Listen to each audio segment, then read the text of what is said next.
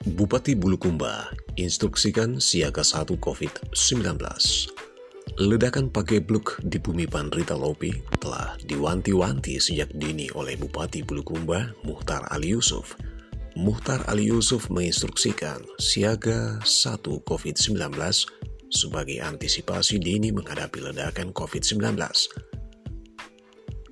Segenap jajaran Dinas Kesehatan, khususnya Puskesmas, diinstruksikan untuk wacana ini.